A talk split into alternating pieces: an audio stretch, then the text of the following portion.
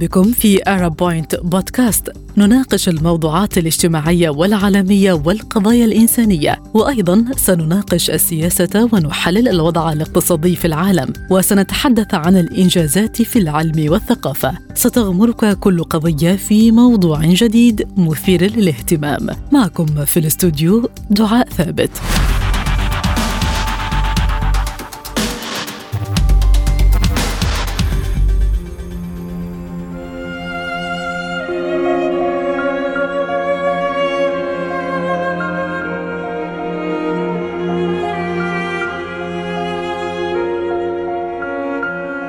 مستمعينا الكرام أكيد كل واحد مننا اتعرض لصدمة في حياته. فيه اللي قدر يتجاوزها وفيه اللي ما قدرش. ملايين الأشخاص في العالم بيعانوا من اضطراب ما بعد الصدمة. وهي حالة نفسية بتكون عند الأشخاص اللي مروا بظروف قاسية واختبروا تجارب مؤلمة زي فقدان الأحبة والإصابة بالأمراض أو حتى التعرض للعنف. ممكن كمان يكون الاضطراب ناتج عن أحداث مرهقة أو مخيفة أو مؤلمة زي ما تابعنا في زلزال اللي ضرب تركيا وسوريا. فين ضحكتي؟ أنا ليه بقيت زي واحد متلوح مالي بقى كل شيء في حياتي عادي ومش مهم. فين ضحكتي؟ أنا ليه بقيت زي واحد متلوح ما بقيتش أحس؟ خايف في يوم يجرالي حاجة من الزعل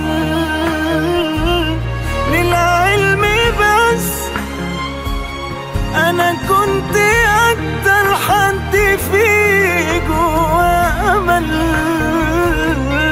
ما بقيتش احس خايف في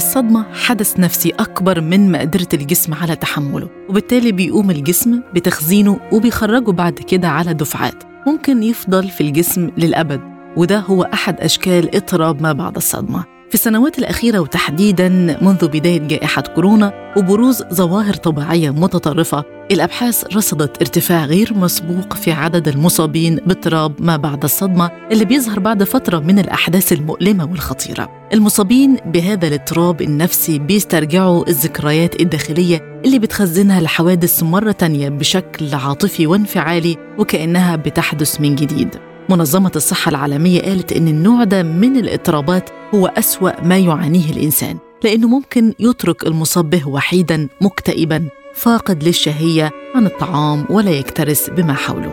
أنا انكسرت وما فيش في إيدي أي حاجة.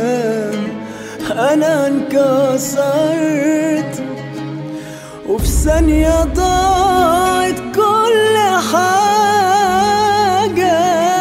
أنا انكسرت وما فيش في إيدي أي حاجة. أنا انكسرت وفي ثانية ضاعت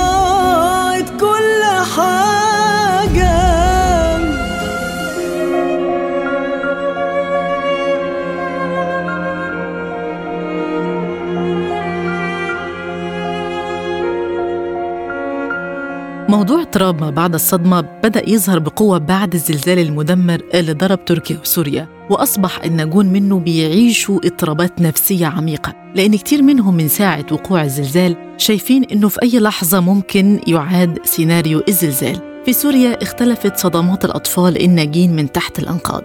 كتير منهم كان بيبكي وآخرين خرجوا دون أي ردة فعل. بعضهم كان بينظر بغرابة للمحيط وخرج آخرون يضحكون. الملايين شاهدوا عشرات الأطفال اللي بيتحدثوا مع فرق الإنقاذ والأطباء والصحفيين بكلام بيفوق أعمارهم.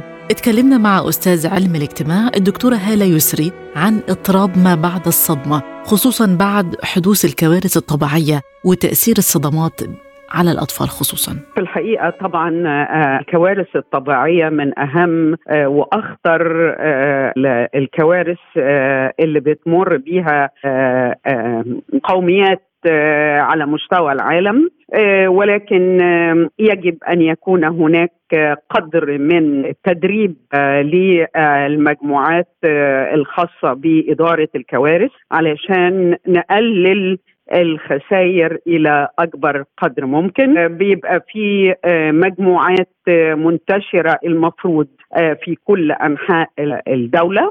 كل واحد عارف أدواره. كلما أمكن طبعا لأن على حسب الكارثة اللي ممكن تحصل.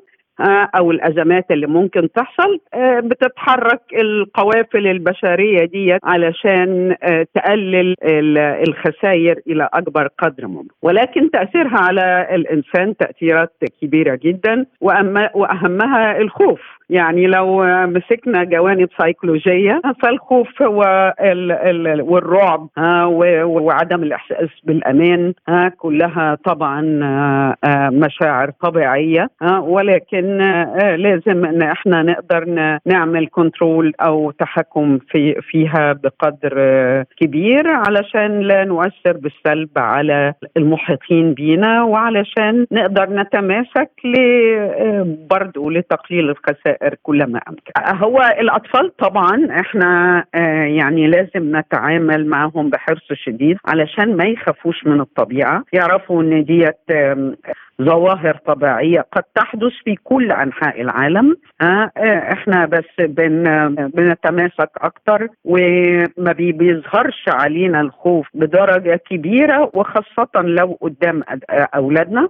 وبرضه بنقويهم ونقول لهم إحنا بنقدر على تنظيم صفوفنا وإن إحنا نقرب من بعض ونحتضن بعض أكتر ولازم الأطفال يحسوا بالدفء الجسدي من الأم والأب أو الأقارب لو في حالة خسارة الأم والأب لأن دوت هو اللي بيسبب لهم فعلا فعلا الأمان النفسي. أما عن دور المحيطين في التعامل مع من تعرضوا مؤخرا لصدمات وأهمية التدبير الصحيح لطريقة المساعدة كان ده رد دكتور هالة. آه أول حاجة آه لازم آه إن إحنا نقرب منهم بشويش يعني يعني آه مش نجري عليهم وكده لا لازم بشويش لأن هم بالفعل في صدمة آه بيواجهوها. فلازم التقرب ببطء وحساسية. ثانيا لازم نحسسهم إن إحنا نقدر نديلهم كل أنواع المساندة وده اللي لازم يكون ها مساندة نفسية مساندة اجتماعية ممكن اللي بيوته اتهدمت يعني نفتح بيوتنا ليهم اللي فقد أحد أفراد أسرته أو أكثر ها لازم نديلهم السند النفسي ها علشان يقدروا يعدوا المرحلة الصعبة ديت. كمان أكيد هيفقدوا ممكن جدا وظيفتهم ها اللي هم بيتعايشوا منها وخاصة لو كانت مرتبطة بالموارد الطبيعية. صيادين زراع بيشتغلوا في الفلاحه أو الزراعة كل دول يحتاجوا إلى مساندة كبيرة من الدولة. ولما أقول الدولة أعني الحكومة أعني المجتمع المدني أعني في شركات أو في يعني كل أجهزة الدولة كلها تتحرك لتخفيف الألم والصدمة ومحاولة وضعهم عند نقطة يقدروا يبدأوا حياة جديدة في ظل الكوارث الطبيعية. في أوقات الكوارث الكبيرة ممكن المعالجين النفسيين ما يقدروش يوصلوا للمتضررين نفسيا، هنا التصرف يكون إزاي؟ هرجع مرة تانية لدكتور هالة تشرح التصرف السليم في هذه الحالة الاتحاد الاتحاد والتماسك بشكل كبير جدا عايزة أقول لحضرتك القرب الجسدي حتى بينهم وبين بعض إنهم يقعدوا في أماكن قريبة من بعض إن هم يتبادلوا المشورة إن هم يحاولوا يساعدوا بعض وبرضه لازم يتخيروا فيما بينهم من يستطيع أن يقودهم لأن في الحالة ديت بتبقى في حالة من الهرج والمرج بحيث إن صعب جدا إن هم يتلقوا حتى المعونات والمساعدات اللي ممكن تجي لهم. فلما يبقى في قيادة طبيعية تتحرك آه، في هذه الظروف وتنظم صفوفهم لأن هم أكيد هيبقى ليهم كاركترستكس آه، خصائص آه، آه، طبقا للموقع الجغرافي طبقا للظروف آه، الكارثه دي طبقا لنتائج الكوارث عليهم. آه، طبعا حاجات كتير. فلما في قيادات طبيعية منهم هي اللي تقود عملية الإسعاف أو التأهيل أو إعادة التأهيل أعتقد إن تتم بنجاح وتجيب نتائجها إن شاء الله.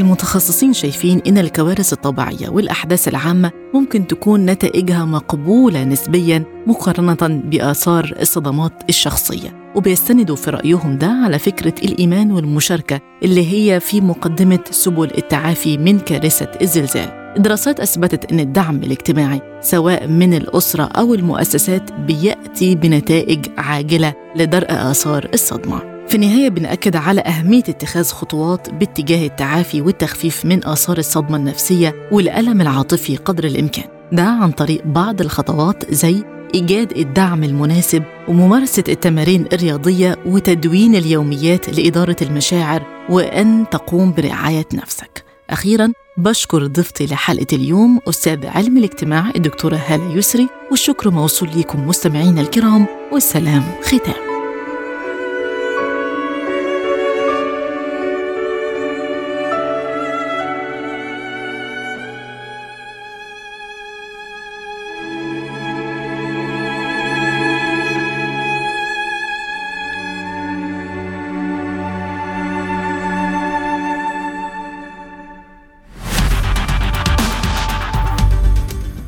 معكم في أرب بوينت بودكاست اشترك واضغط like واكتب تعليق.